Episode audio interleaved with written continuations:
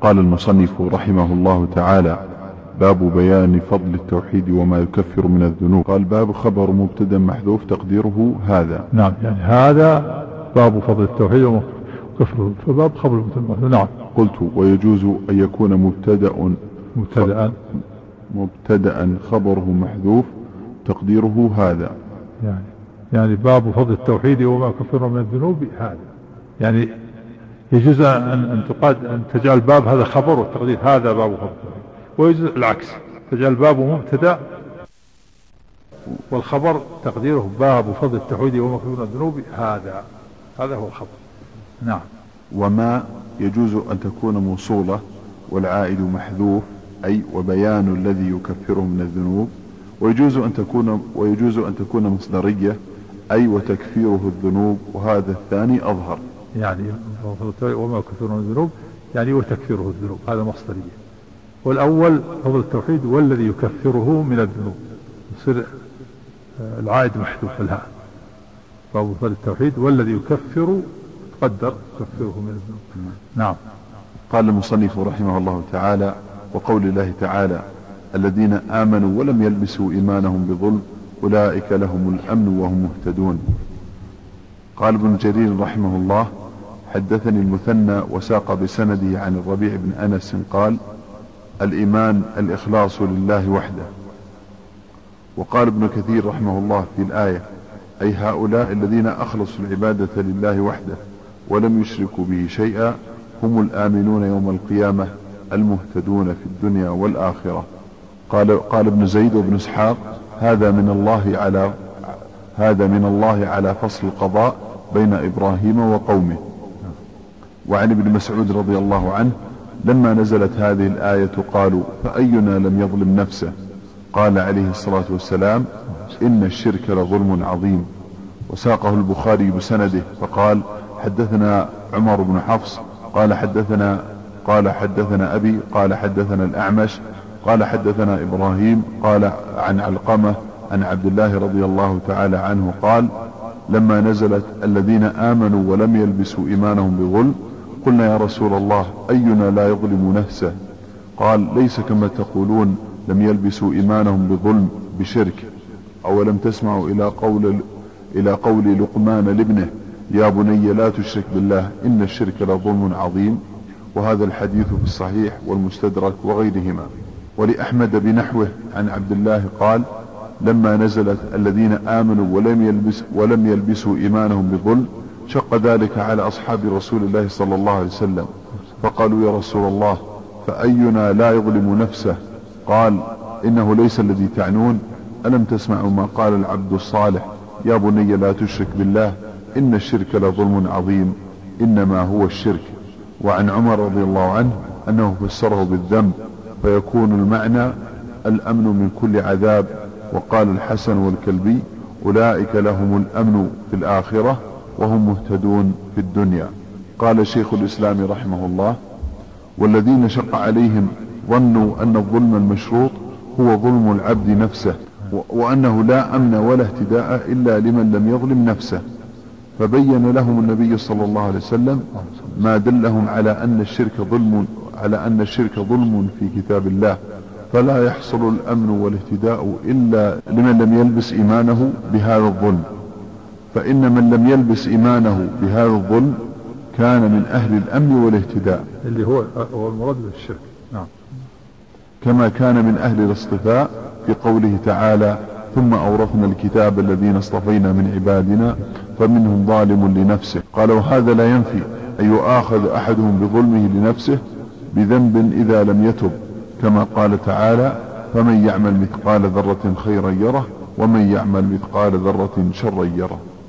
وقد سأل أبو بكر الصديق رضي الله تعالى عنه النبي صلى الله عليه وسلم فقال يا رسول الله أينا لم يعمل سوءا؟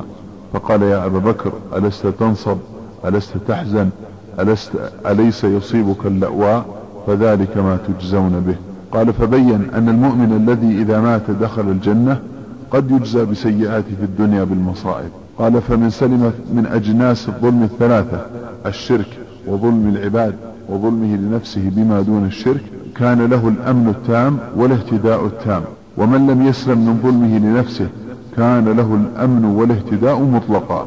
الأولى أن يقال كان له مطلق الأمن ومطلق الاهتداء. هذا الأولى من لم يسلم من ظلمه لنفسه ليس له الأمن والاهتداء المطلق على التام. ها؟ وإنما الأولى أن يقال كان له مطلق الأمن ومطلق الاهتداء لا الأمن مطلق نعم. هذا هو الأولى. ولذا كسر قال بمعنى. نعم صحيح. إذا العبارة الدقيقة يقال كان له مطلق الأمن والاهتداء نعم. أحسن الله عليك. قال بمعنى أنه لا بد أن لا بد أن يدخل الجنة. كما وعد كما وعد بذلك في الآية الأخرى. نعم. وقد هداه الله إلى الصراط المستقيم الذي تكون عاقبته فيه إلى الجنة ويحصل له من نقص الأمن والاهتداء بحسب ما نقص من إيمانه بظلمه لنفسه. ليس مراد النبي صلى الله عليه وسلم بقوله إنما هو الشرك أن من لم يشرك الشرك الأكبر يكون له الأمن التام والاهتداء التام. فإن أحاديثه الكثيرة مع نصوص القرآن تبين أن أهل الكبائر معرضون للخوف. لم يحصل لهم الأمن لم يحصل لهم الأمن التام والاهتداء التام الذي يكونون به مهتدين إلى الصراط المستقيم صراط الله الذي أنعم, أنعم الله عليهم من غير عذاب يحصل لهم. بل معهم أصل الاهتداء إلى هذا الصراط ومعهم أصل نعمة الله تعالى عليهم ولا بد لهم من دخول الجنة. وقوله إنما هو الشرك إن أراد الأكبر فمقصوده أن من لم يكن من أهله فهو آمن مما وعد به المشركون من عذاب الدنيا والآخرة. وإن كان مراده جنس الشرك فيقال ظلم العبد لنفسه كبخله بحب المال ببعض الواجب هو شرك أصغر. وحبه ما يبغضه الله تعالى حتى يقدم هواه على محبة الله شرك أصغر ونحو ذلك. فهذا فاته من الأمن والاهتداء بحسبه. ولهذا كان السلف يدخلون الذنب في هذا الشرك بهذا الاعتبار انتهى ملخصا. الذنوب هذا أقول بأن الشرك آه، المعاصي كلها سمى الشرك لما فيه من الهوى شرك الهوى. إن شاء انتهى من كتاب الإيمان يقول الشيخ الإسلام. نعم. لكن معروف أن المعاصي المعاصي ما تسمى شرك إلا ما سماه الله شركا فهذا يكون شرك أصغر. إن كان شركا في العبادة أو ناقضا من نواقض الإسلام صار شركا أكبر. نعم. ويجري عليه القاعدة إذا كان معرف أو منكر في ألفاظ لا عاد هذا في الغالب في الغالب المعرف يكون الأكبر. نعم, نعم. وقال ابن القيم رحمه الله تعالى قوله تعالى الذين آمنوا ولم يلبسوا إيمانهم بظلم أولئك لهم الأمن وهم مهتدون. قال الصحابة رضوان الله تعالى عليهم وأينا يا رسول الله لم يلبس إيمانه بظلم؟ قال ذلك الشرك. ألم تسمعوا قول العبد الصالح إن الشرك لظلم عظيم؟ فلما أشكل عليهم المراد بالظلم فظنوا أن ظلم النفس المراد؟ أحسن عليك فلما أشكل عليهم المراد بالظلم فظنوا أن ظلم النفس داخل فيه. وأن من ظلم نفسه أي ظلم كان لم يكن آمنا ولا مهتديا أجابهم صلوات الله وسلامه عليه بأن الظلم بأن الظلم الرافع للأمن والهداية على الإطلاق هو الشرك. وهذا والله هو الجواب الذي يشفي العليل ويروي الغليل. فإن الظلم المطلق التام هو الشرك الذي هو وضع العبادة في غير موضعها. والأمن والهدى المطلق هو الأمن في الدنيا والآخرة والهدى إلى الصراط المستقيم.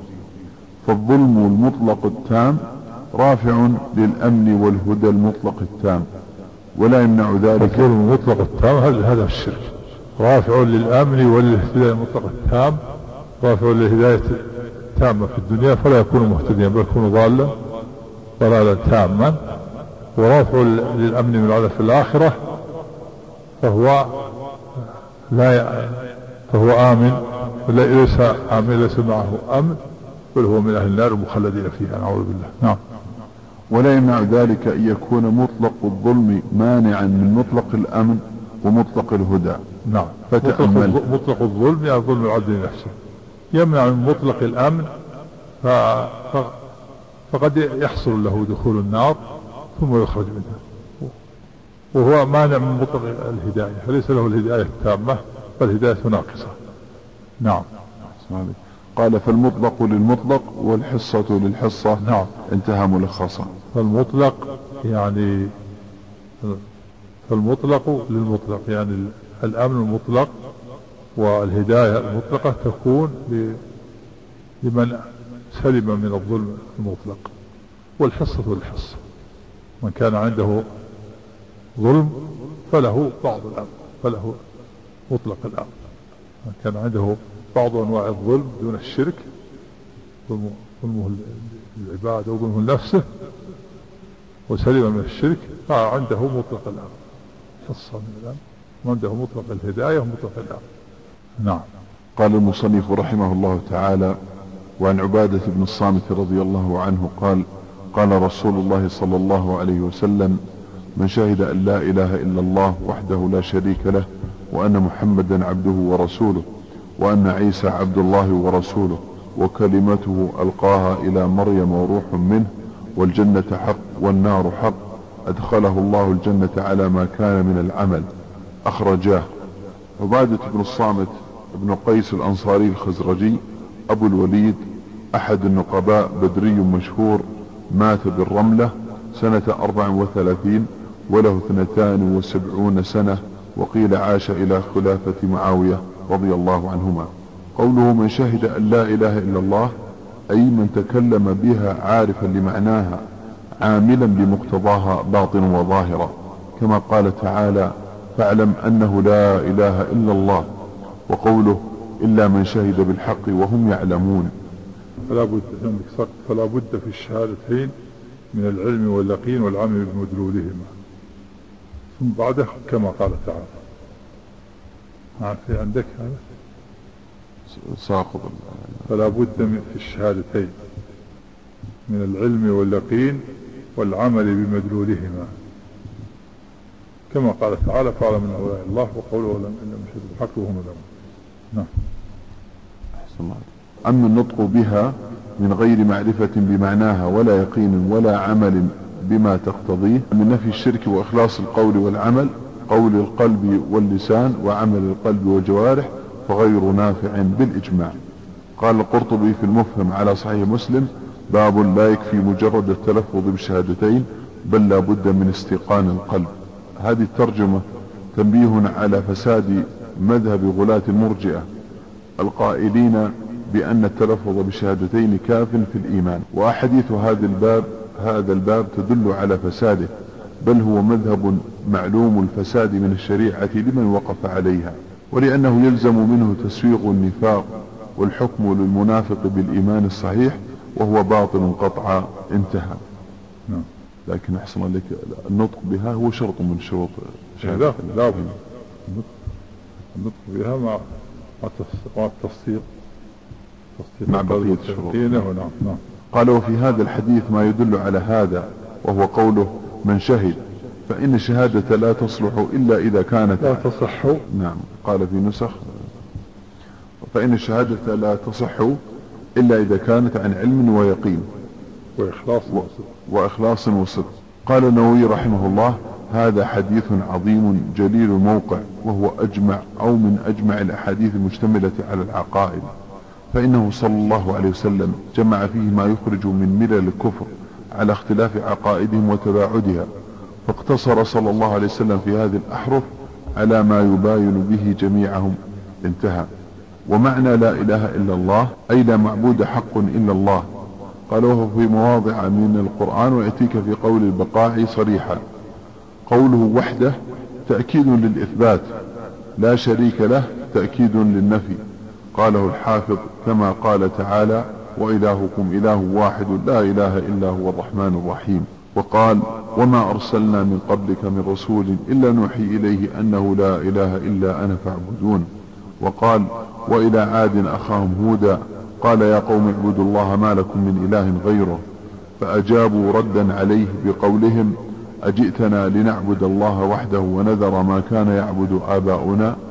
وقال تعالى ذلك بأن الله هو الحق وأن ما يدعون من دونه هو الباطل وأن الله هو العلي الكبير. فتضمن فتضمن ذلك فتضمن ذلك نفي الإلهية عما سوى الله وهي العبادة وإثباتها لله وحده لا شريك له. والقرآن من أوله إلى آخره يبين هذا ويقرره ويرشد إليه. فالعبادة بجميع أنواعها. إنما تصدر عن تأله القلب بالحب والخضوع والتذلل رغبا ورهبا. وهذا كله لا يستحقه إلا الله تعالى كما تقدم في أدلة هذا الباب وما قبله. فمن صرف من ذلك شيئا لغير الله فقد جعله ندا لله. فلا ينفعه مع ذلك قول ولا عمل. ذكر كلام العلماء في معنى لا إله إلا الله. قد تقدم كلام ابن عباس وقال الوزير أبو المظفر في الإفصاح قوله شهادة أن لا إله إلا الله يقتضي أن يكون الشاهد عالما أن يكون الشاهد عالم بأنه لا إله إلا الله كما قال تعالى فاعلم أنه لا إله إلا الله قال واسم الله مرتفع بعد إلا نعم. من حيث أنه الواجب له الإلهية إنه من حيث إنه الواجب له الإلهية.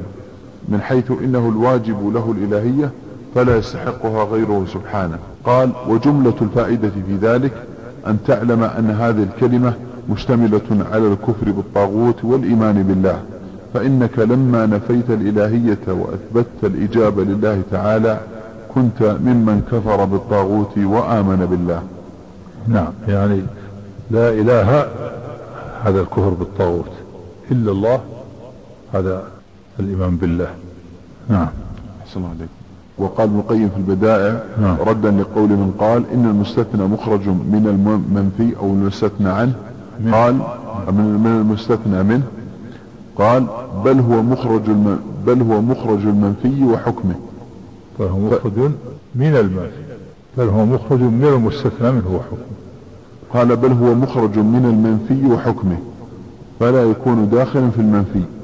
إذ لو كان كذلك لم يدخل الرجل في الإسلام بقول لا إله إلا الله لأنه لم يثبت الإلهية لله تعالى. نعم و...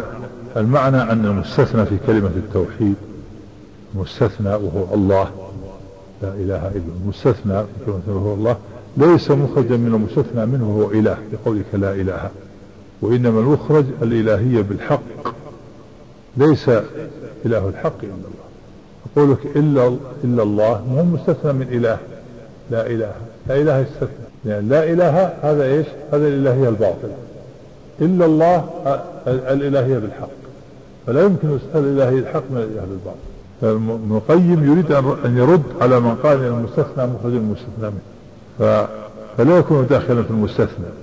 إذا لو كان كذلك لم يدخل الرجل في الإسلام بقول لا إله إلا الله. لا إله إلا الله. لأنه لم يثبت الإلهية. الله تعالى. فإذا فالمستثنى في كلمة المستثنى في كلمة وهو الله ليس مخرج المستثنى منه وهو إله وإنما المخرج الإلهية بالحق. الإلهية بالحق هذه المستثنى. ليس إله الحق إلا الله. يعني فقولهم مخرج من المستثنى وحكمه يعني من حكم المستثنى. بل هو مخرج من المستثنى منه وحكمه يعني ومن حكم المستثنى. ومن حكم المستثنى منه. وحكمه البطلان. وهو الإلهية المنفية بقولك لا إله. حكم المستثنى منها البطلان لا إله. فقول المقيم بل هو مخرج من المستثنى منه وحكمه يعني من حكم المستثنى منه ومن حكمه. مخرج من المستثنى يعني من حكم المستثنى منه ومن حكمه. وحكمه البطلان. حكم لا إله البطلان وهو الإلهية الإلهية المنفية في قولك لا إله. نعم. وهذه أعظم كلمة نعم. قال وهذه أعظم كلمة تضمنت بالوضع نفي الإلهية عما سوى الله وإثباتها له بوصف الاختصاص. يعني وهي كلمة التوحيد لا إله إلا الله نعم. فدلالتها على إثبات إلهيته أعظم من دلالة قولنا الله إله ولا يستريب ولا يستريب أحد في هذا البتة انتهى بمعناه. يعني قول الله إله هذا إثبات وليس التوحيد ما يحصل بالإثبات ما يحصل إلا بالنفي والإثبات. نعم. قلت ولا ريب أنه لم يدخل في المنفي أصلا لأن المراد من هذه الكلمة إفراده تعالى بالإلهية في قلب الموحد وقوله وعمله كما دلت عليه الآيات المحكمات كما أخبر عن دعوة رسله أن اعبدوا الله ما لكم من إله غيره فنفوا الإلهية عما سوى الله تعالى وأثبتوها لله وحده. هذه ساقطة هذا قرأت الأخيرة هو موجود هنا. فإنه تعالى هو المتصف بتفرده بالإلهية أزلا وأبدا كما قال تعالى ذلك بأن الله هو الحق وأن ما يدعون من دونه هو الباطل. وأخبر تعالى عن المشركين أنهم قالوا أجئتنا لنعبد الله وحده. أرادوا أن يدخلوه أرادوا أن يدخلوه في جملة آلهتهم في العبادة وأنكروا أن تكون العبادة له وحده. أرادوا؟ أحسن عليكم. قال أرادوا أن يدخلوه في جملة آلهتهم في العبادة. نعم. وأنكروا أن تكون العبادة له وحده مع معرفتهم أن لا إله إلا الله تبطل ذلك. وتسوية آلهتهم بالله في العبادة هو الشرك الأكبر الذي يوجب الخلود في النار. فالموحد مخالف للمشرك في قوله وفعله ونيته وهذا ظاهر وهذا ظاهر لا خفاء به.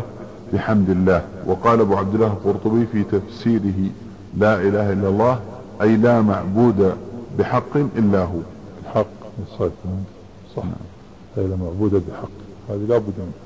نعم معبود بحق. وقال الزمخشري الإله من أسماء الأجناس كالرجل والفرس يقع على كل معبود بحق أو بباطل ثم غلب على المعبود بحق. قال شيخ الإسلام رحمه الله الإله هو المعبود المطاع فإن الإله هو المألوه والمألوه هو الذي يستحق أن يعبد وكونه يستحق يستحق أن يعبد أن يعبد هو بما اتصف به من الصفات التي تستلزم أن يكون هو المحبوب غاية الحب المخضوع له غاية الخضوع. وقال رحمه الله تعالى فإن الإله هو المحبوب المعبود الذي تألهه القلوب بحبها وتخضع له وتذل له وتخاف وترجوه وتنيب إليه في شدائدها وتدعوه في مهماتها وتتوكل عليه في مصالحها وتلجأ إليه وتطمئن بذكره وتسكن إلى حبه. وليس ذلك إلا الله وحده. ولهذا كانت لا إله إلا الله أصدق الكلام. وكان أهلها أهل, أهل الله وحزبه والمنكرون لها أعداءه وأهل غضبه ونقمته. فإذا صحت صح بها كل مسألة وحال وذوق. وإذا لم يصححها العبد فالفساد لازم له في علومه وأعماله. وقال ابن القيم رحمه الله الإله هو الذي تأله القلوب محبة وإجلالا وإنابة وإكراما وتعظيما وذلا وخضوعا وخوفا ورجاء وتوكلا. وقال ابن رجب رحمه الله الإله هو الذي يطاع فلا يعصى هيبة له وإجلالا ومحبة وخوفا ورجاء وتوكلا عليه وسؤالا منه ودعاء له ولا يصلح ذلك كله إلا لله عز وجل.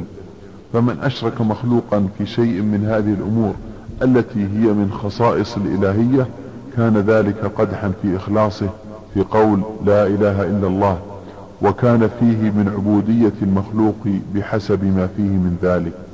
وقال البقاعي لا إله إلا الله أي انتفى انتفاء عظيما أن يكون معبود بحق غير الملك الأعظم فإن هذا العلم هو أعظم الذكرى المنجية من أهوال الساعة وإنما يكون علما إذا كان نافعا وإنما يكون نافعا إذا كان مع الإذعان والعمل بما تقتضيه وإلا فهو جهل صرف. وقال الطيبي الإله فعال بمعنى مفعول كالكتاب بمعنى المكتوب يعني إله بمعنى مفعول يعني إله بمعنى مألوه إله بمعنى مألوه مثل فعال بمعنى مفعول كالكتاب بمعنى مكتوب؟ نعم. قال كالكتاب بمعنى المكتوب من أله من أله إلها أي عبد عباده. قال الشارح وهذا كلام وهذا كثير في كلام العلماء وإجماع منهم أن الإله هو المعبود. خلافا لما يعتقده عباد القبور وجهلة المتكلمين من أن معناه هو الخالق والقادر على الاختراع ونحو ذلك. ويظنون أنهم إذا قالوها فقد أتوا من التوحيد بالغاية القصوى ولو فعلوا ما فعلوا من عبادة غير الله كدعوة الأموات والاستغاثة بهم في الكربات والنذر لهم في, الملمات إلى غير ذلك من أنواع العبادات. وما شعروا أن مشرك العرب وغيرهم يشاركونهم في الإقرار بهذا المعنى ويعتقدون أن الله هو, هو الخالق القادر على الاختراع كما قال تعالى ولئن سألتهم من خلقهم ليقولن الله وقال ولئن سألتهم من خلق السماوات والأرض ليقولن, ليقولن خلقهن العزيز العليم فأخبر تعالى عنهم أنهم اتخذوا الأولياء من دونه وقالوا ما نعبدهم إلا ليقربونا إلى الله زلفى. فتبا لمن كان أبو جهل ورؤوس الكفر من قريش وغيرهم أعلم منه بمعنى لا إله إلا الله. قال تعالى إنهم كانوا إذا قيل لهم لا إله إلا الله يستكبرون ويقولون إنا لتاركوا آلهتنا لشاعر مجنون. فعرفوا أنها تدل على ترك عبادة معبوداتهم. وقلت ودلالتها على هذا دلالة التضمن. وأن ذلك يقتضي إخلاص العبادة لله وحده فدلالتها على نفي الإلهية وعبادتها وإفراد الله تعالى بالعبادة دلالة مطابقة. قلت إيش؟ قلت. قلت ودلالتها على هذا دلالة التضمن وأن ذلك يقتضي إخلاص العبادة لله وحده فدلالتها على نفي الإلهية وعبادتها وإفراد الله تعالى بالعبادة دلالة مطابقة. نعم. انتهى. ف... نعم انتهى صح قال فدلت لا إله إلا الله على نفي العبادة عن كل ما سوى الله كائنا من كان وإثبات الإلهية لله وحده دون ما سواه. وهذا هو التوحيد الذي دعت إليه الرسل ودل عليه القرآن من أوله إلى آخره كما قال تعالى عن الجن قل أوحي إلي أنه استمع نفر من الجن فقالوا إن سمعنا قرآنا عجبا يهدي إلى الرشد فآمنا به ولن نشرك بربنا أحدا. فلا إله إلا الله لا تنفع إلا من عرف مدلولها نفيا وإثباتا واعتقد ذلك وقبل وقبله وعمل به. وأما من قالها عن غير علم واعتقاد وعمل فقد تقدم كلام العلماء أن هذا جهل صرف فهي حجة عليه بلا ريب. فقوله في الحديث وحده لا شريك له تأكيد وبيان لمضمون معناها وقد أوضح الله تعالى ذلك وبينه في قصص الأنبياء والمرسلين في كتابه المبين. فما أجهل عباد القبور بحالهم وما أعظم ما وقعوا فيه من الشرك المنافي لكلمة الإخلاص لا إله إلا الله. فإن مشرك العرب ونحوهم جحدوا لا إله إلا الله لفظا ومعنى. وهؤلاء المشركون أقروا بها لفظا وجحدوها معنى. فتجد أحدهم يقولها وهو يأله غير الله بأنواع العبادة كالحب والتعظيم والخوف والرجاء والتوكل والدعاء وغير ذلك من أنواع العبادة. بل زاد شركهم على شرك العرب بمراتب فإن أكثرهم إذا وقع في شدة أخلص الدعاء لغير الله تعالى ويعتقدون أنه أسرع فرجا لهم من الله. بخلاف حال المشركين الأولين فإنهم يشركون في الرخاء وأما في الشدائد فإنما يخلصون لله وحده كما قال تعالى فإذا ركبوا في الفلك دعوا الله مخلصين له الدين فلما نجاهم إلى البر إذا هم يشركون الآية فبهذا تبين أن مشركي أهل فبهذا تبين أن مشركي أهل هذه. أهل هذه الأزمان أجهل بالله وبتوحيده من مشرك العرب ومن قبلهم. وقوله وأن محمدا عبده ورسوله أي وشهد بذلك وهو معطوف على ما قبله على نية تكرار العامل. ومعنى العبد هنا المملوك العابد أي أنه مملوك لله تعالى. والعبودية الخاصة وصفه كما قال تعالى أليس الله بكاف عبده؟ نعم العبودية الخاصة هي طاعة الله ورسوله. وهي خاصة بالمؤمن. أما العبودية العامة العبودية نوعان خاصة وعامة. فالخاصة هي طاعة الله ورسوله وهذه خاصة بالمؤمن. وأما العبودية العامة فهي نفوذ قدرة الله ومشيئته في جميع الخلق وهي عامة المؤمن والكافر. كما قال تعالى إن كل من في السماوات والأرض إلا آتي الرحمن عبدا. قال والعبودية الخاصة وصفه كما قال تعالى أليس الله بكاف عبده؟ فأعلى مراتب العبد العبودية الخاصة والرسالة. فالنبي محمد صلى الله عليه وسلم أكمل الخلق في هاتين الصفتين الشريفتين. العبودية والرسالة نعم. وأما الربوبية والإلهية فهما حق الله تعالى لا يشاركه في شيء منه لا يشركه في شيء منها ملك مقرب ولا نبي مرسل. وقوله عبده ورسوله أتى بهاتين الصفتين وجمعهما دفعا للإفراط والتفريط نعم. قوله عبده في رد على النصارى الذين قالوا الذين قالوا عيسى ابن الله. تعالى الله عما يقول. وقوله رسوله رد على اليهود الذين قالوا عيسى ولد بغي ولم يؤمن برسالته. بالله نعم أتى بهاتين الصفتين. وقوله عبده ورسوله أتى بهاتين الصفتين وجمعهما دفعا للإفراط والتفريط فإن كثيرا ممن يدعي أنه من أمته أفرط بالغلو قولا وفعلا وفرط بترك متابعته واعتمد على الآراء المخالفة لما جاء به وتعسف في تأويل أخباره وأحكامه بصرفها عن مدلولها والصدف عن الانقياد لها مع اطراحها.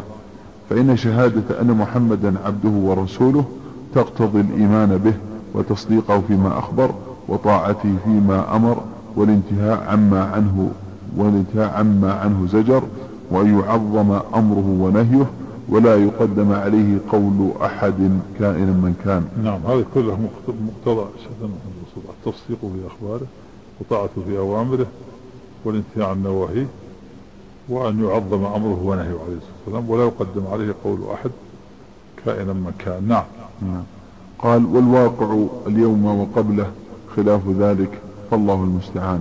في ممن ينتسب إلى العلم من القضاة والمفتين خلاف نعم. ذلك. في نعم. في نعم. حاشية قال والواقع اليوم وقبله نعم. ممن ينتسب إلى العلم من القضاة والمفتين خلاف ذلك فالله المستعان. وروى الدارمي في مسنده عن عبد الله بن سلام رضي الله عنه أنه كان يقول إنا لنجد صفة رسول الله صلى الله عليه وسلم. إنا أرسلناك شاهدا ومبشرا ونذيرا وحرزا للأميين. أنت عبدي ورسولي سميته المتوكل. ليس بفض ولا غليظ ولا سخاب بالأسواق ولا يجزي بالسيئة مثلها ولكن يعفو ويتجاوز. لن أقبضه حتى يقيم الملة المتعوجة بأن يشهدوا أن لا إله إلا الله يفتح بها. يشهدوا ولا بأن يشهدوا يشهد قال في نسخة نعم. طيب. قال بأن يشهدوا أن لا إله إلا الله يفتح بها أعينا عميا وآذانا صما وقلوبا غلفا. قال عطاء بن يسار وأخبرني أبو واقد الليثي أنه سمع كعبا يقول مثل ما قال أنه سمع كعبا رضي الله عنه يقول مثل ما قال ابن سلام. قوله قوله المتعوجة سميت ملة الإسلام بالملة العوجاء وبالحنيفية لكونها مائلة عن الأديان الأخرى. فدين الإسلام مائل عن الأديان والملل الأخرى وإن كان هو في نفسه دين مستقيم. هو نفسه دين مستقيم كما قال الله تعالى قيما ودين مستقيم ضيق قيم لا عوج فيه كما قال الله تعالى ذلك الدين القيم قال تعالى دينا قيما ملة إبراهيم. قال عن القرآن الحمد لله الذي أنزل على عبده الكتاب ولم يجعل له عوجا قيما ينذر بأسا شديدا من لدنه. هو في نفسه دين مستقيم ولكنه مائل عن الأديان الأخرى. نعم. قوله وأن عيسى عبد الله ورسوله أي خلافا لما يعتقده النصارى أنه الله أو ابن الله أو ثالث ثلاثة تعالى الله عما يقولون علوا كبيرا. ما اتخذ الله من ولد وما كان معه من إله. فلا بد أن يشهد أن عيسى عبد الله ورسوله على علم ويقين بأنه مملوك لله خلقه من أنثى بلا ذكر كما قال تعالى إن مثل عيسى عند الله كمثل آدم خلقه من تراب ثم قال له كن فيكون فليس ربا ولا إلها سبحان الله عما يشركون. قال تعالى فأشارت إليه قالوا كيف نكلم من كان في المهد صبيا؟ قال إني عبد الله آتاني الكتاب وجع آتاني الكتاب وجعلني نبيا. وقال وجعلني مباركا أينما كنت ووصاني بالصلاة والزكاة من نعم. كما عندك تكملة لها ما عندي؟ نعم. برا بوالدته ولم يجني جبارا شقيا والسلام علي يوم ولدت ويوم أموت ويوم أبعث حيا. ذلك عيسى بن مريم قول الحق الذي فيه يمترون. ما كان الله يتخذ ولدا سبحانه إذا قضى أمره فإنما يقول له كن فيكون وإن الله ربي وربكم فاعبدوه. هذا صراط مستقيم. نعم. وقال؟ وقال لن يستنكف المسيح أن يكون عبدا لله ولا الملائكة المقربون ومن يستنكف عن عبادته ويستكبر فسيحشرهم إليه جميعا. ويشهد المؤمن أيضا ببطلان قول أعدائه اليهود أنه ولد بغي لعنهم الله. قال فلا يصح إسلام أحد علم ما كانوا يقولونه حتى يتبرأ من قول الطائفتين جميعا في عيسى عليه الصلاة والسلام. ويعتقد ما قاله الله تعالى فيه أنه عبد الله ورسوله. قوله وكلمته إنه إنما سمي عيسى عليه الصلاة والسلام كلمته لوجوده بقوله كن كما قاله السلف من المفسرين. قال الإمام أحمد في الرد على الجهمية الكلمة التي ألقاها إلى مريم حين قال له كن فكان فكان عيسى بكن. إيش؟ الكلمة ولا بالكلمة. قال في نسخة بالكلمة. نعم. التي ألقاها إلى مريم حين قال له كن نعم. نعم. فكان. قال قال له كن. فكان عيسى بكن وليس عيسى هو كن ولكن كان بكن. فكن من الله تعالى قولا وليس كن مخلوقا. وكذب النصارى والجهمية على الله في أمر عيسى انتهى. وقوله ألقاها إلى مريم قال ابن كثير خلقه بالكلمة التي أرسل بها جبرائيل عليه السلام إلى مريم فنفخ فيها من روحه بأمر ربه عز وجل. فكان عيسى بإذن الله عز وجل فهو ناشئ عن الكلمة التي قال له كن فكان والروح التي أرسل بها جبرائيل والروح والروح التي أرسل بها جبرائيل قال في الحاشية التي أرسل بها هو جبريل. هو جبريل نعم. هو جبريل عليه السلام. قوله وروح منه قال أبي بن كعب رضي الله عنه عيسى روح من الأرواح التي خلقها الله تعالى واستنطقها بقوله ألست بربكم؟ قالوا بلى. بعثه الله إلى مريم فدخل فيها. رواه عبد بن حميد وعبد الله بن أحمد في زوائد مسند وابن جرير وابن أبي حاتم وغيرهم. قال الحافظ ووصفه بأنه منه. المعنى أنه كائن منه كما في قوله تعالى وسخر لكم ما في السماوات وما في الأرض جميعا منه. فالمعنى أنه كائن منه كما أن معنى الآية الأخرى أنه سخر هذه الأشياء كائنة منه أي أنه مكون أنه مكون ذلك وموجده بقدره وحكمته. قال شيخ الإسلام رحمه الله المضاف إلى الله تعالى إذا كان معنى لا يقوم بنفسه ولا بغيره من المخلوقات وجب أن يكون صفة لله تعالى قائمة به وامتنع أن يكون وامتنع أن تكون إضافتها إضافة مخلوق مربوب. فإذا كان المضاف عينا قائمة بنفسها كعيسى وجبرائيل عليهم الصلاة والسلام وأرواح بني آدم امتنع أن تكون صفة لله تعالى لأن ما قام بنفسه لا يكون صفة لغيره لكن الأعيان المضافة إلى الله على وجهين. أحدهما أن تضاف إليه لكونه خلقها وأبدعها فهذا شامل لجميع المخلوقات كقولهم سماء الله وأرض الله فجميع المخلوقين عبيد الله وجميع المال مال الله. الوجه الثاني أن يضاف إليه لما خصه به من معنى يحبه ويأمر به ويرضاه كما خص البيت العتيق بعبادة فيه لا تكون في غيره وكما يقال عن مال الفيء والخمس هو مال الله ورسوله. ومن هذا الوجه فعباد الله هم الذين عبدوه وأطاعوا أمره. فهذه إضافة تتضمن ألوهيته وشرعه ودينه وتلك إضافة تتضمن ربوبيته وخلقه انتهى ملخصا. قوله والجنة حق والنار حق أي وشهد أن الجنة التي أخبر بها تعالى. يعني الإضافة الأخيرة هذه إضافة تتضمن الألوهية والشرع الشرع والدين والأولى تتضمن تتضمن إضافة الربوبية والخلق. يعني إضافة إلى كونه خلق هذه الأولى وأبدعها أي تضمن الربوبية والخلق ويضاف إليه لما خصه من يحبه فإضافة تضمن ألوهيته وشرعه ودينه. نعم. قوله والجنة حق والنار حق أي وشهد أن الجنة التي أخبر بها تعالى في كتابه أنه أعدها للمتقين حق ثابتة لا شك فيها وشهد أن النار التي أخبر بها تعالى في كتابها في كتابه أنه أعدها للكافرين حق كذلك ثابتة كما قال تعالى سابقوا إلى مغفرة من ربكم وجنة عرضها كعرض السماء والأرض أعدت للذين آمنوا بالله ورسله ذلك فضل الله يؤتيه من يشاء والله ذو الفضل العظيم. وقال تعالى فاتقوا النار التي وقودها الناس والحجارة أعدت للكافرين.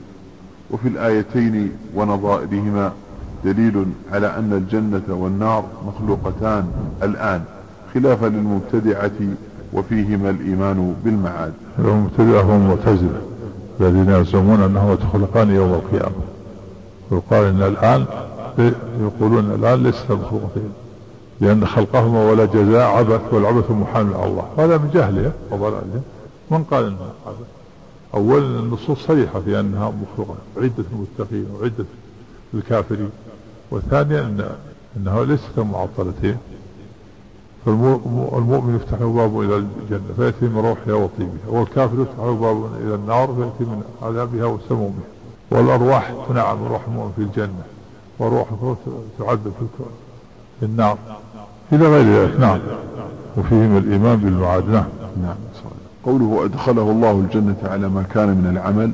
هذه الجملة جواب الشرط وفي رواية أدخله الله الجنة من أي أبواب الجنة ثمانية شاء.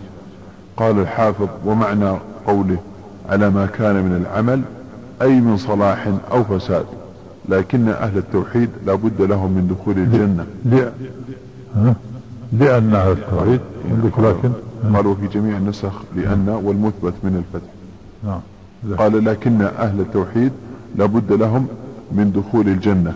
ويحتمل أن يكون معنى قوله على ما كان على ما كان من العمل أي يدخل أهل الجنة الجنة على حسب أعمال كل منهم في الدرجات. انتهى. قال القاضي عياض رحمه الله ما ورد في حديث عبادة يكون خصوصا لمن قال ما ذكره النبي صلى الله عليه وسلم وقرن بشهادتين حقيقة الإيمان والتوحيد الذي ورد في حديثه فيكون له من الأجر ما يرجح على سيئاته ويوجب له المغفرة والرحمة ودخول الجنة لأول وهلة. قال العلامة ابن القيم رحمه الله تعالى والمقصود أن كلمة التوحيد إذا شهد بها المؤمن عارفا لمعناها وحقيقته نفيا وإثباتا متصفا بم نعم قال في نسخة بمعناها وحقيقتها. نعم. متصفا بموجبها قائما قلبه ولسانه وجوارحه بشهادته فهذه الكلمة من هذا الشاهد أصلها ثابت راسخ في قلبه وفروعها متصلة في السماء وهي مخرجة لثمرتها كل وقت انتهى قال انظر بقيم الفوائد نعم.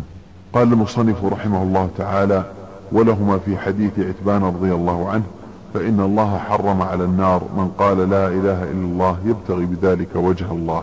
قوله ولهما أي للبخاري ومسلم في صحيحيهما بكماله. وهذا طرف من حديث طويل أخرجه الشيخان. وعتبان بكسر المهملة بعدها مثنات فوقية ثم موحدة. ابن مالك بن عمرو ابن عمرو بن العجلان الأنصاري من بني سالم بن عوف صحابي مشهور. مات في خلافة معاوية رضي الله تعالى عنهما. وأخرج البخاري في صحيحه بسنده عن قتادة قال حدثنا أنس بن مالك رضي الله عنه أن النبي صلى الله عليه وسلم ومعاذ ومعاذ رضي الله عنه رديفه على الرحل قال يا معاذ. قال لبيك يا رسول الله وسعديك. قال يا معاذ. قال لبيك يا رسول الله وسعديك. قال يا معاذ. قال لبيك يا رسول الله وسعديك. ثلاثة. قال ما من أحد يشهد أن لا إله إلا الله وأن محمد رسول الله صدقا من قلبه إلا حرمه الله تعالى على النار. قال يا رسول الله أفلا أخبر به الناس فيستبشروا؟ قال إذا يتكلوا. فأخبر بها معاذ عند موته تأثما. وساق بسند آخر حديث حديث معتمر قال سمعت أبي قال سمعت أنسا رضي الله عنه قال ذكر لي أن النبي صلى الله عليه وسلم قال لمعاذ بن جبل من لقي الله من لقي الله لا يشرك به شيئا دخل الجنة. قال أفلا أبشر الناس؟ قال لا إني أخاف أن يتكلوا. قلت فتبين بهذا السياق معنى شهادة أن لا إله إلا الله وأنها تتضمن ترك الشرك لمن قالها بصدق ويقين وإخلاص. قال شيخ الإسلام رحمه الله وغيره في هذا الحديث ونحوه إنها أنها. قال شيخ الإسلام رحمه الله وغيره في هذا الحديث ونحوه إنها في من قالها ومات عليها كما جاءت مقيدة بقوله خالصا من قلبه غير شاك فيها بصدق ويقين. فإن حقيقة التوحيد انجذاب الروح إلى الله تعالى جملة فمن شهد أن لا إله إلا الله خالصا من قلبه دخل الجنة لأن الإخلاص هو انجذاب القلب إلى الله تعالى بأن يتوب من الذنوب توبة نصوحا. بأن يتوب. نعم بأن يتوب من الله توبة نصوحا. يتوب من الذنوب. نعم. بأن يتوب إلى الله ولا بأن يتوب من الذنوب. عندي قال بأن يتوب من الذنوب. فإذا مات على تلك الحال نال ذلك. فإنه قد تواترت الأحاديث بأنه يخرج من النار من قال لا إله إلا الله وكان في قلبه من الخير ما يزن شعيرة وما يزن خردلة وما يزن ذرة. وتواترت بأن كثيرا ممن يقول لا إله إلا الله يدخل ثم يخرج منها. قال في الحاشية يدخل النار ثم يخرج منها. قال وتواترت بأن كثيرا ممن يقول لا إله إلا الله يدخل النار. نعم. يدخل النار ثم يخرج منها. نعم. وتواترت بأن الله حرم على النار أن تأكل أثر السجود من, من, من ابن آدم فهؤلاء كانوا يصلون ويسجدون لله. وتواترت بأن الله يحرم على النار من قال لا إله إلا الله وشهد أن لا إله إلا الله وأن محمد رسول الله لكن جاءت مقيدة بالقيود الثقال وأكثر من يقولها لا يعرف الإخلاص وأكثر من يقولها إنما يقول إنما يقول إنما يقولها تقليدا أو عادة ولم يخالط الإيمان بشاشة قلبه. ولم تخالط حلاوة الإيمان بشهادة القلب وغالب من يفتن عند الموت وفي القبور أمثال هؤلاء كما في الحديث سمعت الناس يقولون شيئا فقلته. وغالب أعمال هؤلاء إنما هو تقليد واقتداء بأمثالهم. وهم من أقرب الناس من قوله تعالى إنا وجدنا آباءنا على أمة وإنا على آثارهم مقتدون. وحينئذ فلا منافاة بين الأحاديث. فإنه إذا قالها بإخلاص ويقين تام لم يكن في هذه الحال مصرا على ذنب أصلا. فإن كمال إخلاصه ويقينه يوجب أن يكون الله أحب إليه من كل شيء. فإذا لا يبقى في قلبه إرادة لما حرم الله ولا كراهية لما أمر الله. وهذا هو الذي يحرم على النار. وإن كانت له ذنوب قبل ذلك. فإن هذا الإيمان وهذا الإخلاص وهذه التوبة وهذه المحبة وهذا اليقين لا يتركون له ذنبا إلا محي عنه كما يمحو الليل النهار. يعني المعنى أنه لا منافاة بين الأحاديث الأحاديث المطلقة تقيد بالأحاديث الأخرى المقيدة فإذا قال لا إله إلا الله عن صدق وإخلاص وتوبة دخل الجنة من أول وهلة وإذا قالها مع الغفلة ومع الإصرار على المعاصي فهو على خطر دخول النار فلا منافاة. بين الأحاديث الأحاديث الأحاديث المطلقة تقيد بالحديث الأخرى المقيدة إذا قال لا إله إلا الله عن صدق وإخلاص وتوبة دخل الجنة من أول وإذا قال مع مع الغفلة ومع الإصرار على المعاصي فهو على خطر من دخول النار. فإذا قالها على وجه الكمال المانع من الشرك الأكبر والأصغر فهذا غير مصر على ذنب أصلا فيغفر له ويحرم على النار. وإن قالها على وجه خلص به من الشرك الأكبر دون الأصغر ولم يأت بعدها بما يناقض ذلك فهذه الحسنة لا يقاومها شيء من السيئات فيرجح بها ميزان الحسنات كما في حديث البطاقة فيحرم فيحرم على النار ولكن تنقص درجته في الجنة بقدر ذنوبه. وهذا بخلاف من رجحت من رجحت سيئاته بحسناته ومات مصر على ذلك فإنه يستوجب النار وإن قال لا إله إلا الله وخلص بها من الش... وخلص بها من الشرك الأكبر. لكنه لم يمت على ذلك بل أتى بعد ذلك بسيئات رجحت على حسنة توحيده. فإنه في حال قولها كان مخلصا لكنه أتى بذنوب أوهنت ذلك التوحيد والإخلاص فأضعفته. وقويت نار الذنوب حتى أحرقت ذلك بخلاف المخلص المستيقن. فإن حسناته لا تكون إلا راجحة على سيئاته ولا يكون مصرا على سيئات فإن مات على ذلك دخل الجنة. وإنما يخاف على المخلص أن يأتي بسيئة راجحة فيضعف إيمانه فلا يقولها بإخلاص ويقين مانع من جميع السيئات. ويخشى عليه من الشرك الأكبر والأصغر فإن سلم من الأكبر بقي معه من الأصغر فيضيف إلى ذلك سيئات تنضم إلى هذا الشرك فيرجح جانب السيئات. فإن السيئات فإن السيئات تضعف الإيمان واليقين فيضعف قول فيضعف قول لا إله إلا الله فيمتنع الإخلاص بالقلب فيصير المتكلم بها كالهادي أو النائم أو من يحسن صوته بآية من القرآن من غير ذوق وحلاوة. قال غير ذوق طعم. نعم. قال من غير ذوق طعم وحلاوة. فهؤلاء لم يقولوها بكمال الصدق واليقين بل يأتون بعدها بسيئات تنقض ذلك بل يقولونها من غير يقين وصدق ويموتون على ذلك وهم ولهم سيئات كثيرة تمنعهم من دخول الجنة. وإذا كثرت الذنوب ثقل على اللسان قولها وقسى القلب عن قولها وكره العمل الصالح وثقل عليه سماع القرآن واستبشر بذكر غيره واطمأن إلى الباطل واستحلى الرفث ومخالطة أهل الباطل. وكره مخالطة أهل الحق. فمثل هذا إذا قالها قال بلسانه ما ليس في قلبه وبفيه ما لا يصدقه عمله. قال الحسن ليس الإيمان بالتحلي ولا بالتمني ولكن ما وقر في القلوب وصدقته الأعمال. فمن قال خيرا وعمل خيرا قبل منه ومن قال خيرا وعمل شرا لم يقبل منه. وقال بكر بن عبد الله المزني ما سبقهم أبو بكر رضي الله عنه بكثرة صيام ولا صلاة ولكن بشيء وقر في قلبه.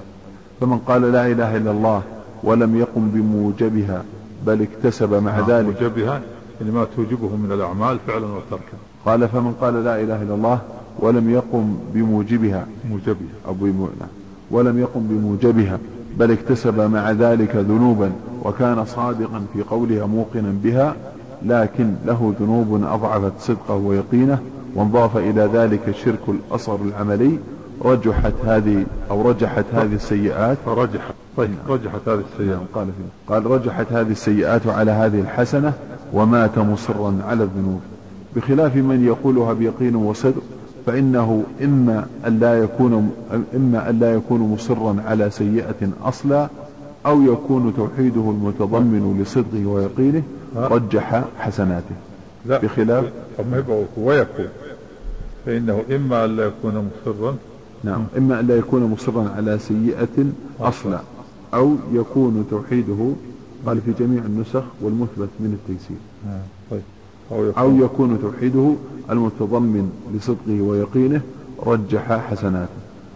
والذين يدخلون النار ممن يقولها لم يقولوها بالصدق واليقين التامين المنافيين للسيئات أو لرجحانها أو قالوها واكتسبوا بعد ذلك سيئات رجحت على حسناتهم ثم ضعف لذلك صدقهم ويقينهم ثم لم يقولوها بعد ذلك بصدق ويقين تام لأن الذنوب قد أضعفت ذلك الصدق واليقين من قلوبهم فقولها من مثل هؤلاء لا يقوى على محو السيئات فترج فترجح فترجح سيئاتهم على حسناتهم انتهى ملخصا.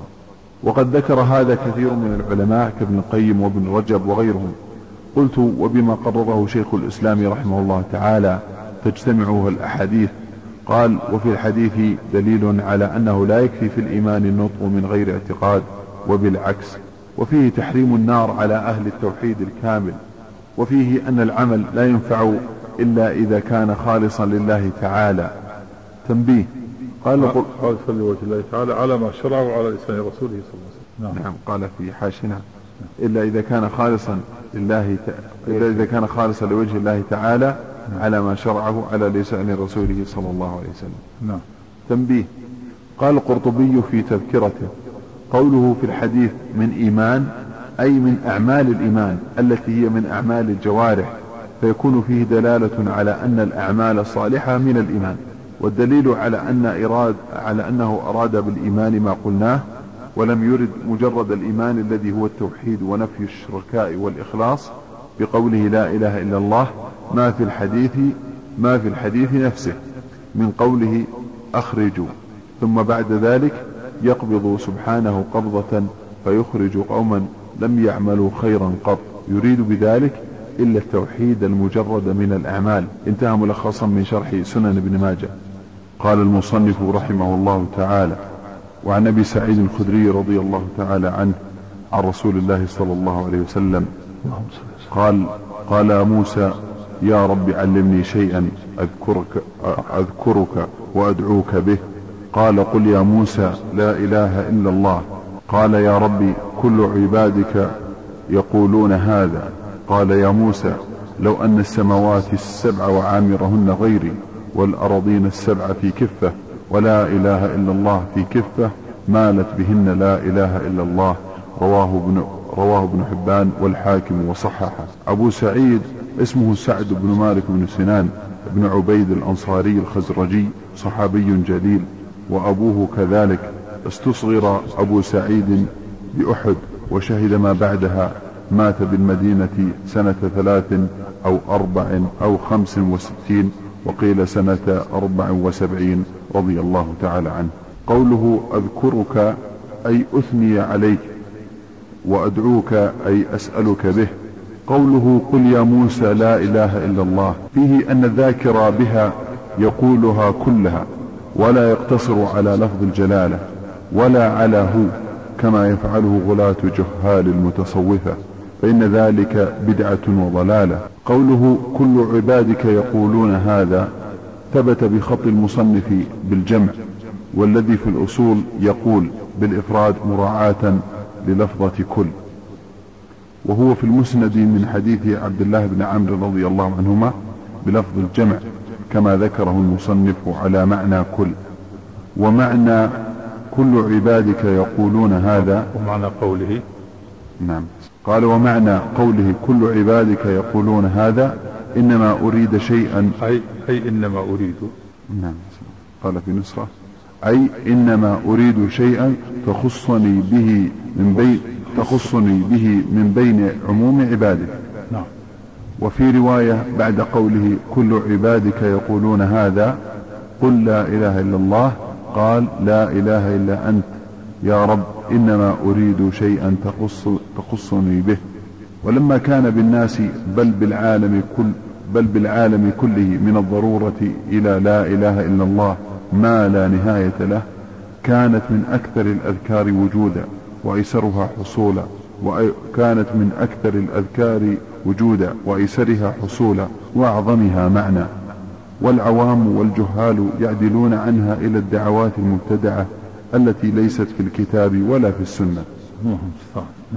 قوله وعامرهن غيري هو بالنصب عطف على السماوات أي لو أن السماوات السبع ومن فيهن من العمار غير الله تعالى والأراضين السبع ومن فيهن وضعوا في كفة الميزان ولا إله إلا الله في الكفة الأخرى مالت بهن لا إله إلا الله.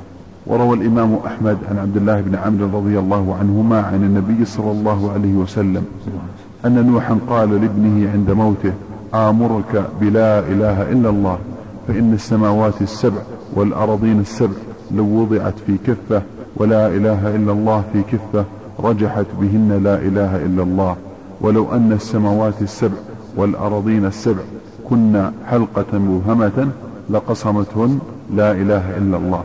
قوله في كفة هو بكسر الكاف وتشديد الفاء أي كفة الميزان.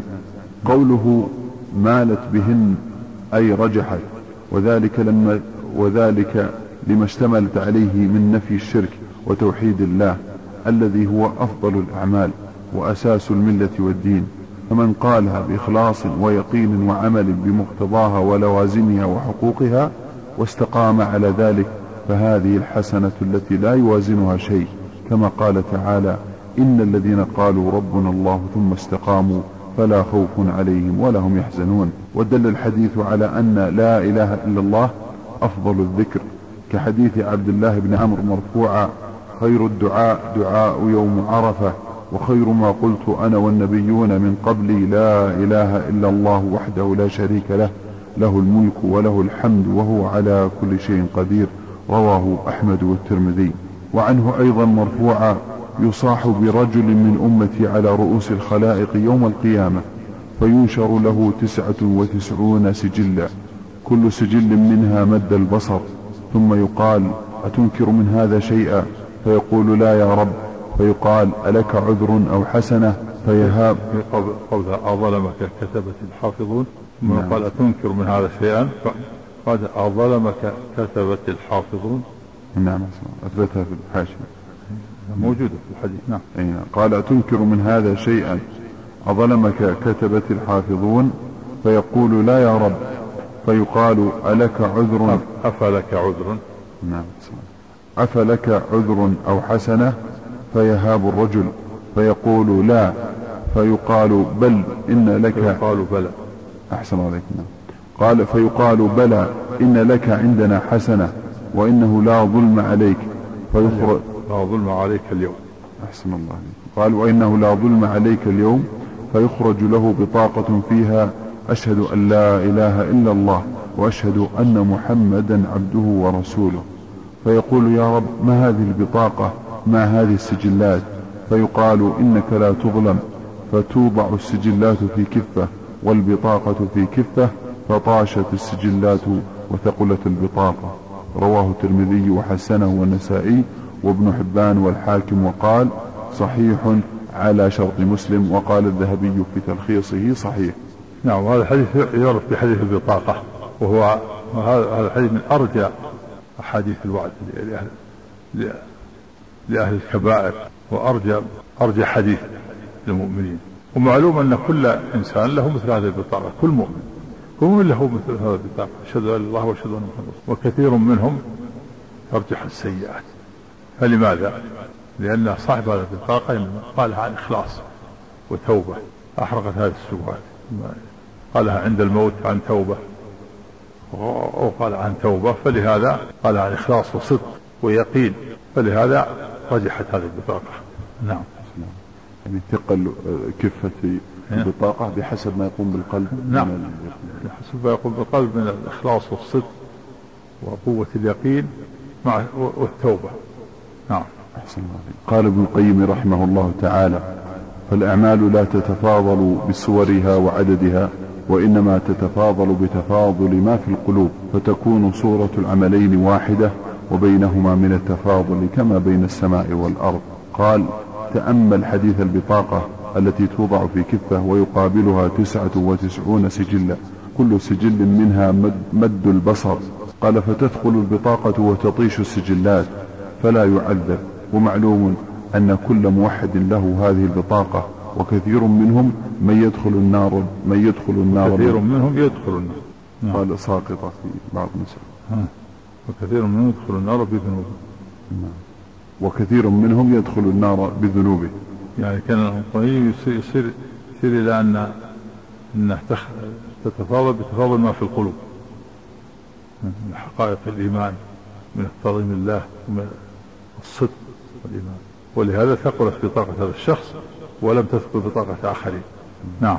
قوله رواه ابن حبان والحاكم. ابن حبان اسمه محمد بن حبان بكسر المهملة وتشديد الموحدة ابن أحمد بن حبان بن معاذ أبو حاتم التميمي البستي الحافظ صاحب التصانيف كالصحيح والتاريخ والضعفاء والثقات وغير ذلك.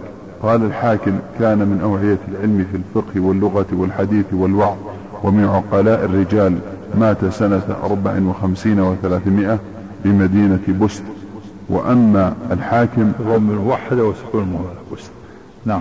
أحسن الله قال بمدينة بست بالمهملة.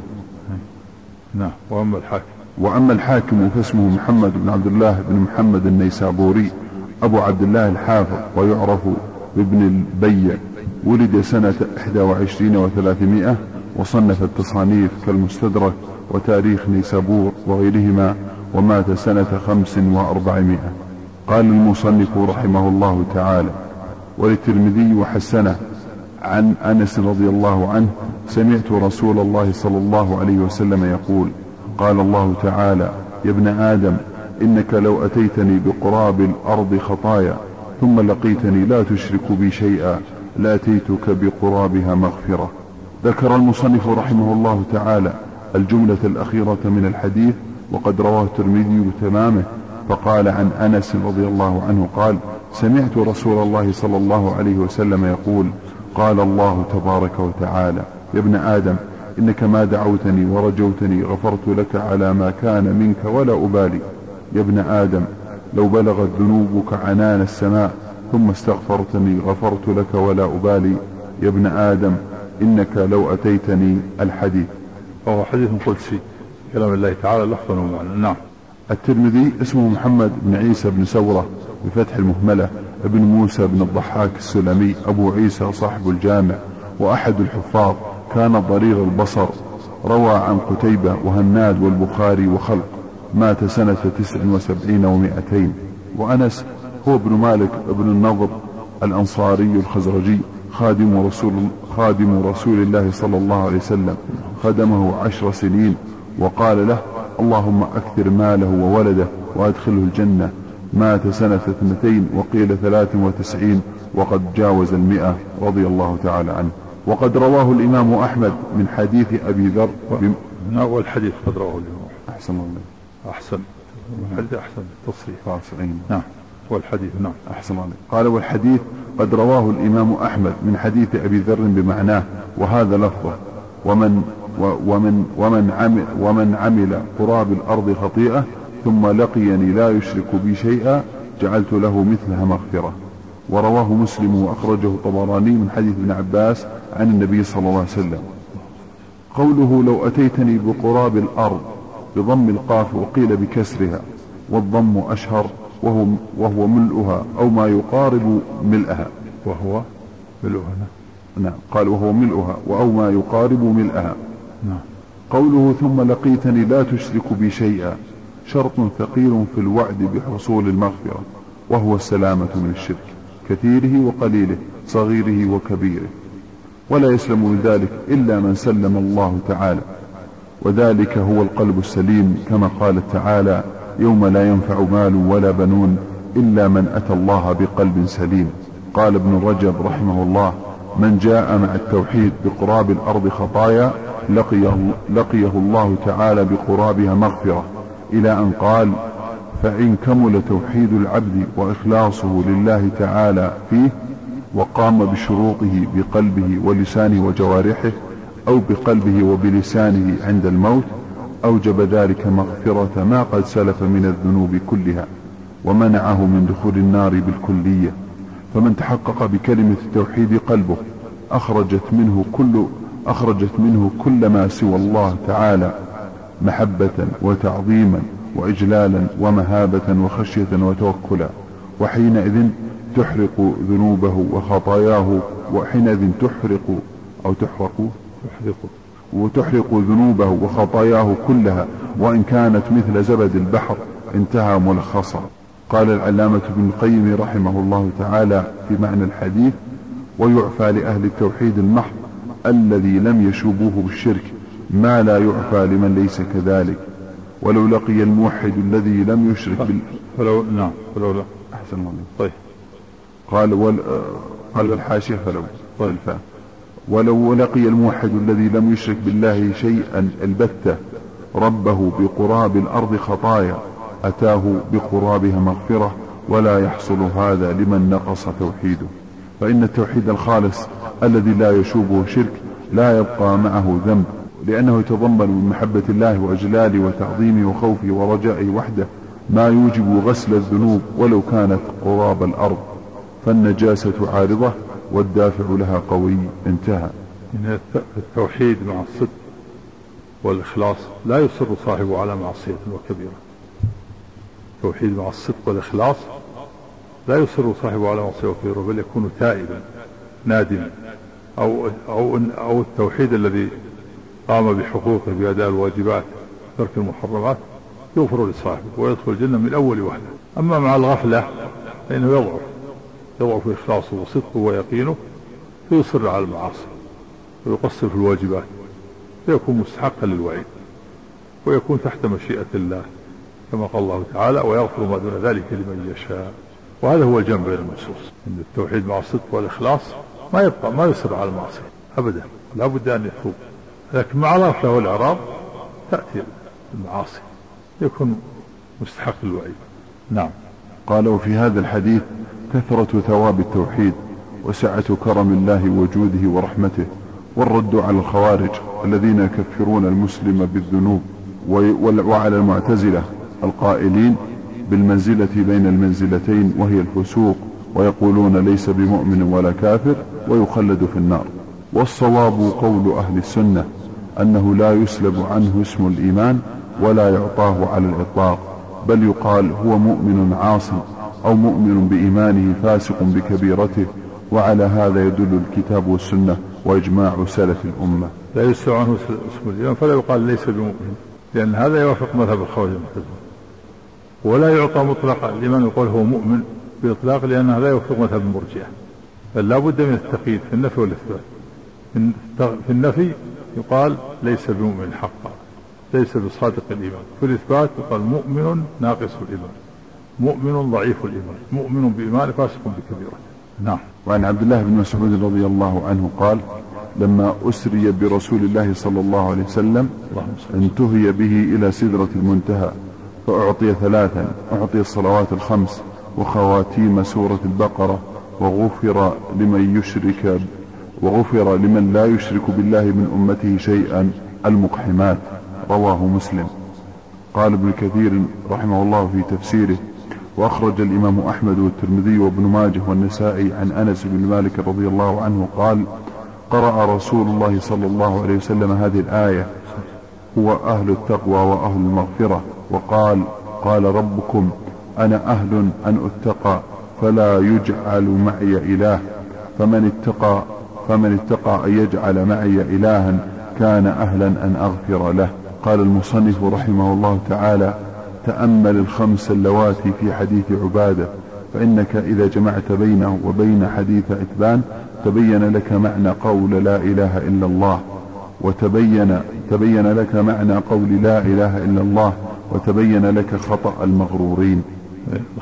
خمس اللواتي في العبادة من شهد أن لا إله إلا الله وأن محمدا عبده ورسوله وأن عيسى عبد الله ورسوله وأن الجنة حق والنار حق. هذه خمس. شهد أن لا إله إلا الله واحد وأن محمدا عبده ورسوله اثنين.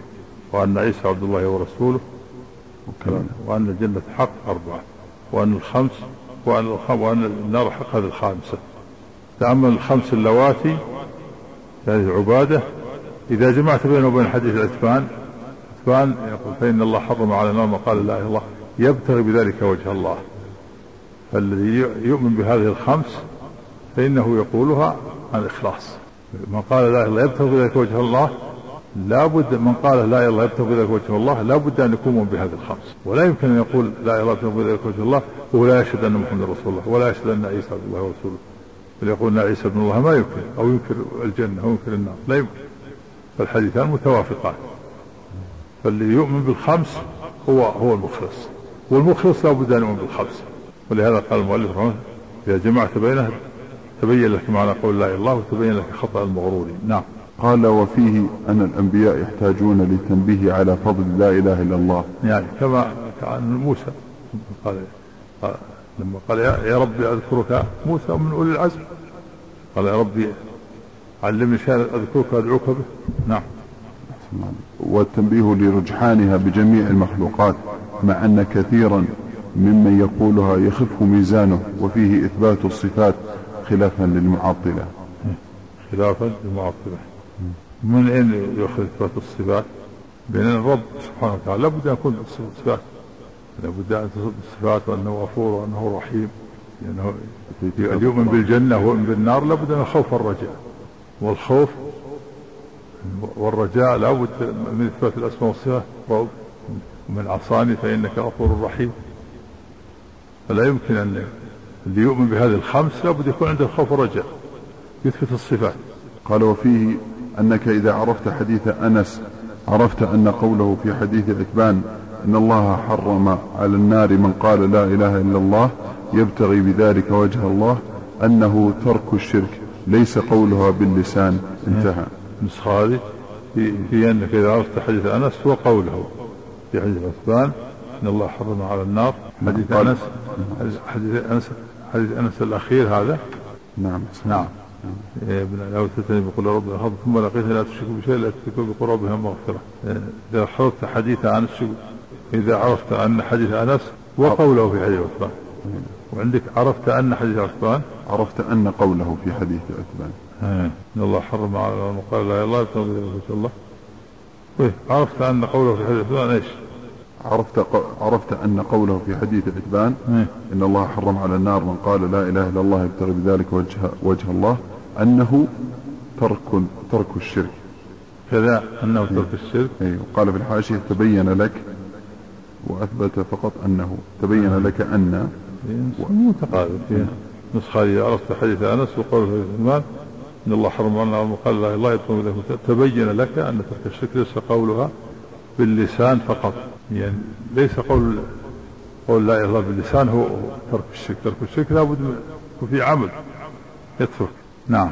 فيه مسائل. الأولى سعة فضل الله. الثانية كثرة ثواب التوحيد عند الله.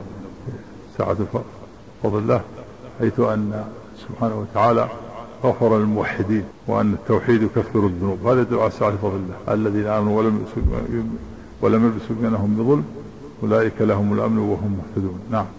الثانية كثرة ثواب التوحيد عند الله. نعم. لأن لو أتيتني بقراب الأرض خطايا ثم لقيتني لا تشرك بشيء لا تشرك بقراب المغفرة نعم. الثالثة تكفيره مع ذلك للذنوب. نعم. التوحيد يكفر الذنوب. نعم.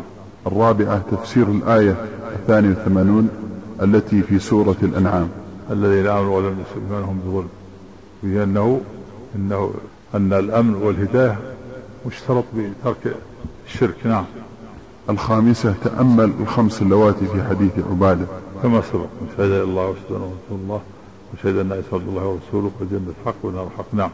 السادسة أنك إذا جمعت بينه وبين حديث عتبان وما بعده تبين لك معنى قول لا إله إلا الله وتبين لك خطأ المغرورين.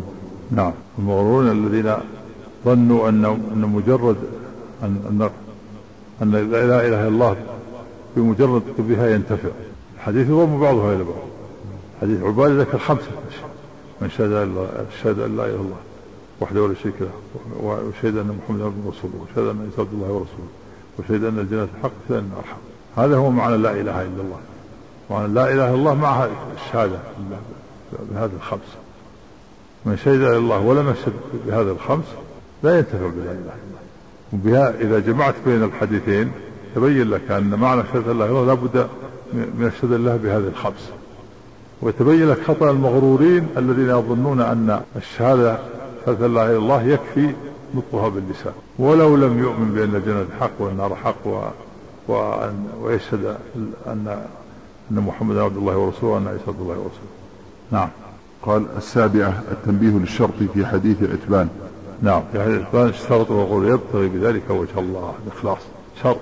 من قال لا إله إلا الله يبتغي بذلك وجه الله. لابد من هذا شرط هذا يدل على أنه لا يكفي مجرد قوله باللسان. نعم. أحسن الله عليكم. الثامنة كون الأنبياء يحتاجون للتنبيه على فضل لا إله إلا الله. إيه. لو من سؤال موسى قال يا ربي علمني دعاء أذكرك به. فلما قال الرب له قل لا قال يا ربي كل عبادك يقول هذا. يريد يعني يريد شيئا تخصني به. نعم.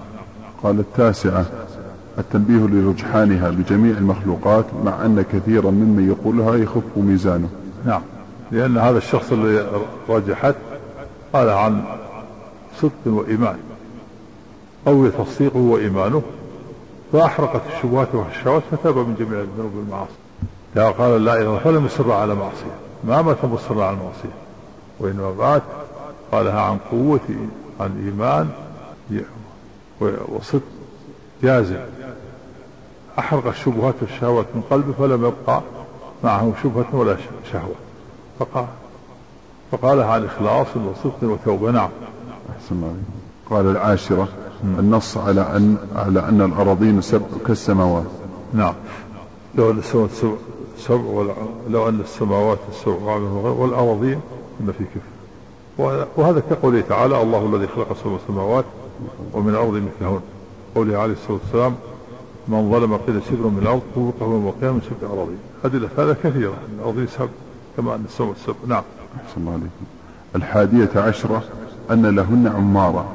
نقول لو أن سبع وعامرهن غيري. إذا لهن عمار وهم الملائكة الذين يعمرون بطاعة الله. نعم وعبادته نعم.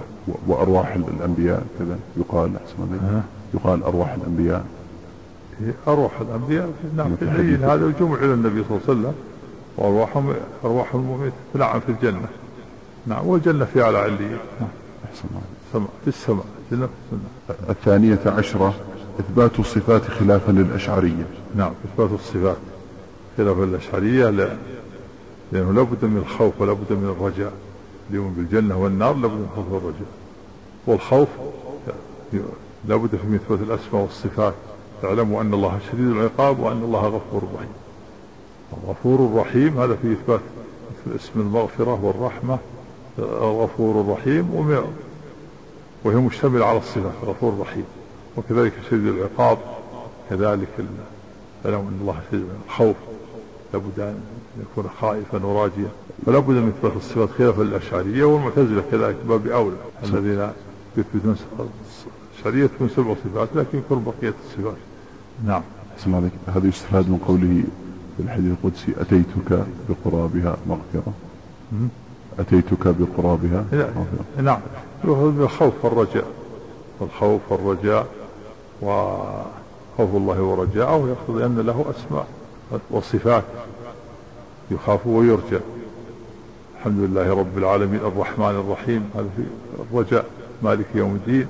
الخوف النصوص والآيات التي فيها إثبات أسماءه مشتملة على على الصفات صفة الرجاء. غفور رحيم. غفور هذا إثبات اسم الغفور الرحيم. مشتمل على صفة المغفرة والرحمة. إذا فيه رجاء. والخوف علم أن الله شديد العقاب. هذا مشتمل على مشتمل على أن الخوف أن الإنسان يخاف ربه ويخشى عقوبته. إن ربك لبالمرصاد. فمن لا يثبت الأسماء والصفات لا يخاف ولا يرجو. نعم. قال الثالثة عشرة. أنك إذا عرفت حديث أنس عرفت أن قوله في حديث عتبان فإن الله حرم على النار من قال لا إله إلا الله يبتغي بذلك وجه الله إنه ترك الشرك ليس قولها باللسان. إيه. يعني جماعة حديث أنس حديث عتبان يقول ما حرم الله ما إن الله حرم على النار من قال لا يبتغي بذلك وجه الله. إخلاص هذا. وحديث أنس فيه ترك الشرك. لو أتتني بقراب الأرض خطايا ثم لقيتني لا تشرك به شيئا لا تشرك بقرابها مغفرة إذا الإخلاص معناه يقتضي ترك الشرك. يبتغي هذا الإخلاص. والإخلاص لا بد من ترك الشرك بدليل حديث أنس. ثم لقيتني لا تشرك بي شيء فالجمع بين الحديثين يدل على أن الإخلاص لا بد فيه من ترك الشرك. نعم. وأنه لا يكفي قوله باللسان. نعم. الرابعة عشرة. تأمل الجمع بين كون عيسى ومحمد عبدي الله ورسوليه نعم. قالوا وأن محمد عبد الله ورسوله وأن عيسى عبد الله كل منهما عبد عبد ورسول ليس بإلهين بل هما عبدين لله ورسولين. نعم. أحسن الله عليك الخامسة عشرة معرفة اختصاص عيسى عليه الصلاة والسلام بكونه كلمة الله. يعني يعني مخلوق بكلمة كن خلقه الله بكلمة كن أرسل بها جبرائيل ونفخ في درع مريم. اختصاصه بكونه كلمة كن لأنه مخلوق بالكلمة بكلمة كن. ليس له أب. نعم. السادسة عشرة معرفة كونه روحا منه نعم. عيسى روح منه يعني روح من الأرواح التي خلقها والإضافة للتشريف والتكريم. نعم. السابعة عشرة معرفة فضل الإيمان بالجنة والنار. من حديث عبادة والجنة حق والنار حق. وأنه لا بد من وأن لا يصح الإيمان إلا بذلك حيث جعلها من الإيمان بالجنة والنار من الخمس. نعم. على هذا يكون المعتزلة ناقص إيمانهم نعم. المعتزلة الذين ينكرون وجودها في الدنيا. لا هم يؤمنون بس يقولون إنها يؤمنون بالجنة والنار لكن يقولون إنها تخلقان يوم القيامة. ما تخلقان الآن. ما وجودهما الآن ولا عبث ولا ولا ولا جزاء عبث والعبث محال على الله. يعني يكون نقص في إيمانهما بالجنة. ما ما نقص في إيمانهم كونهم لم يؤمنوا بالصفات ولم يؤمنوا في في مخالفتهم للنصوص نقص نعم. صلى الله عليه الثامنة عشرة معرفة قوله على ما كان من العمل. يعني مات على التوحيد دخل الله الجنة على ما كان من صلاح وفساد لكن مات على مصرا على الكبائر فهو تحت مشيئة الله. وإن مات على إيمان لا يصر فيه المعاصي على الكبائر دخل الجنة من أول يوم. تاسعة عشرة معرفة أن الميزان له كفتان. نعم. له كفتان. خلاف المعتزلة القائلين بإنكار الميزان ويقول الميزان ليس هو ميزان حسي وإنما ولا يحتاج الميزان الحسي إلى البقال والحوال أما الرب فلا يحتاج إلى الميزان الحسي وإنما المراد به العدل. هذا في رد عليه. قال له كفتان. لو لو كانت لو أن السماوات السبع والأرض السبع في كفة ولا إلا في كفة. وهو ميزان حسي له كفتان حسيتان. جاء في الحديث أن أن أطباقه أن الكفة أعظم من أطباق السماوات والأرض. نعم. العشرون معرفة ذكر الوجه. إيه. والما يبتغي بذلك وجه الله في إثبات الوجه لله. والمراد الإخلاص في إثبات الوجه لله. ومعنى يبتغي بوجه الله يعني يريد الإخلاص. يبتغي يقصد الإخلاص لله عز وجل.